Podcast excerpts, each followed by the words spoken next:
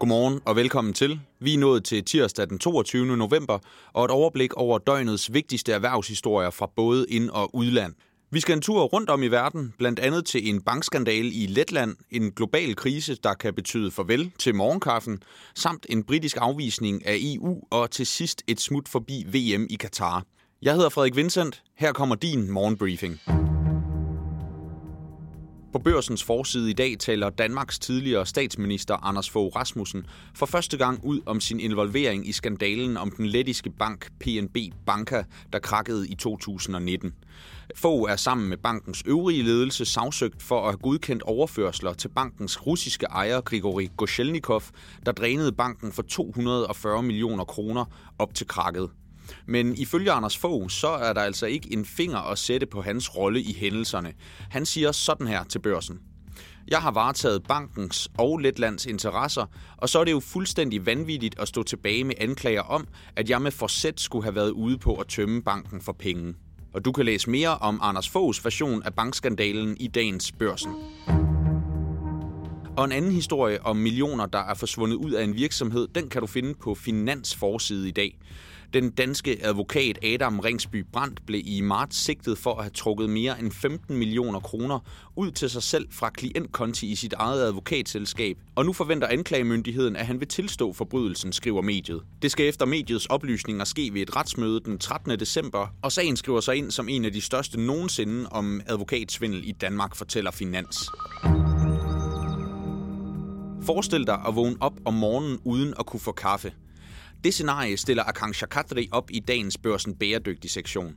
Hun er chef for natur og biodiversitet i World Economic Forum, der vurderer, at verdens udnyttelse af naturressourcer og den medfølgende biodiversitetskrise truer halvdelen af verdens BNP og kan gøre kaffedyrkning umulig allerede i 2040.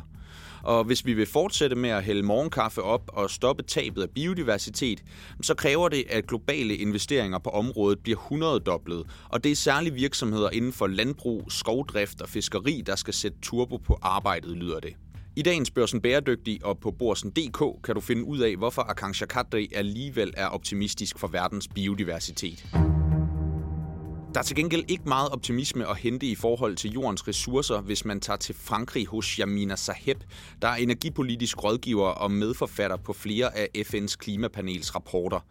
På Borsen.dk kritiserer hun, at Danmark står til at støtte vedtagelsen af en moderniseret version af energitraktaten Energy Charter Treaty, der oprindeligt skulle have sikret energiinvesteringer i den nedbrudte sovjetblok. Også den nye version af aftalen får massiv kritik af flere store EU-lande for at beskytte investorer i fossile energikilder som olie, kul og gas, og for at være uforenelig med Paris-aftalens målsætninger om at begrænse globale temperaturstigninger.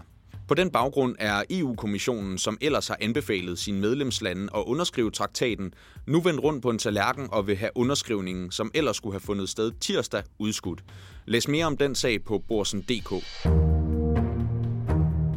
Og hos Bloomberg kan du læse, at Rusland har mistet 90 procent af sit nordeuropæiske oliemarked, siden landet invaderede Ukraine. Tidligere sendte Rusland 1,2 millioner tønder olie mod nordeuropæiske havne, men de seneste fire uger er der kun leveret 95.000 tønder dagligt til Rotterdam, som er Ruslands sidste tilbageværende eksportdestination i Nordeuropa, skriver mediet. Og en stor del af olien, den bliver i stedet for sendt til Kina og Indien og Tyrkiet, men samlet så er Kremls ugentlige olieindtægt svundet til det laveste niveau siden januar, står der hos Bloomberg. Den britiske premierminister Rishi Sunak er mandag kommet med en klar afvisning om at indgå en handelsaftale med EU på øh, lignende vilkår, som man så Schweiz gøre i 1992. Det skriver Financial Times. Den britiske finansminister Jeremy Hunt havde ellers i sidste uge luftet et ønske om at fjerne langt størstedelen af handelsbarriererne mod EU efter Brexit. Men mandag der blev den idé altså skudt godt og grundigt ned af Rishi Sunak til en konference hos CBI, der er den britiske pendant til erhvervsorganisationen Dansk Industri. Jeg stemte for Brexit. Jeg tror på Brexit. Brexit kan levere enorme fordele og muligheder for landet, sagde premierministeren, og det oplyser Financial Times. Herhjemme der tyder noget på, at virkeligheden med tilbagegang på aktiemarkederne og investeringer generelt ikke er gået op for alle. På Borsen.dk kan du læse, at knap hver tredje dansker stadig tror, at der i 2022 vil være positivt afkast på pensionen. Det viser en ny undersøgelse fra Sampension. Tallet er til trods for, at det er næsten umuligt at opstøve en pensionsopsparing med positivt afkast i år. Blandt de store pensionsselskaber har kunder med 15 år til pension og middelrisiko et afkast på mellem minus 13 og minus 8 procent i 2022.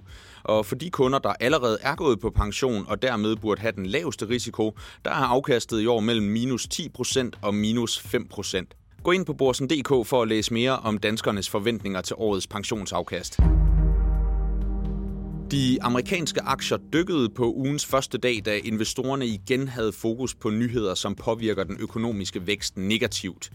I Kina der er der frygt for store nedlukninger i og omkring Beijing på grund af nye coronaudbrud, og i USA der nærmer fagforeninger og arbejdsgivere sig en konflikt med arbejdsnedlæggelser inden for togfarten, mens olieprisen dalede og forlængede sidste uges fald. Og mandag der faldt det brede S&P 500-indeks på den baggrund med 0,4 procent, og i sidste uge der bakkede hovedindekset samlet 0,7 procent. Dow Jones klarede sig bedst med et minus på 0,1 procent, mens Nasdaq tabte mest med 1,1 procent. Og i Danmark der faldt C25-indekset en smule med 0,3 procent, efter en eftermiddag, hvor der ellers var generelt positiv aktiestemning. Du kan dykke ned i detaljerne og tallene på Borsen.dk Investor. Og som jeg nævnte i begyndelsen, så skal vi her til sidst en tur forbi VM i Katar, der bliver ved med at kaste kritiske historier af sig. Den her gang er det det internationale fodboldforbund FIFA, der møder skarp kritik fra Dansk Boldspil Unions fodbolddirektør Peter Møller. Han langer ud efter FIFA, efter DBU selv fik kritik for at gå tilbage på sit løfte om, at landsholdets anfører Simon Kjær under kampene vil bære det regnbuefarvede One Love anførerbind. Og bindet det repræsenterer blandt andet modstand mod diskrimination af homoseksualitet, som er forbudt ved lov i Katar. Og FIFA varslede sidenhen, at brugen af armbåndet det kan altså betyde et gult kort fra kampens begyndelse. Her kan du høre, hvad Peter Møller sagde til TV2 om fodboldforbundets håndtering af sagen. Vi har set, at vores budskaber, vores træningstøj blev nægtet, og nu ser vi den her truende adfærd fra FIFA. Så øh, jeg synes, det er fint, du prøver at kritisere DBU, men jeg synes i den grad også, at øh, pilen skal pege på FIFA i øjeblikket og spørge, om de egentlig er ved deres fulde fem i øjeblikket. Jeg tror ret, ret øh, basalt, at danskerne også har fundet ud af, hvad for en organisation FIFA efterhånden er. Øh, jeg synes, det ville være synd for Simon Kjær, hvis han så fik et gult kort i løbet af kampen, man så ikke øh, kunne være med, og dermed formentlig mis noget af den her slutrunde. Jeg synes, det er ærgerligt, at FIFA på den her måde truer spillerne, og, og på den måde prøver at straffe dem.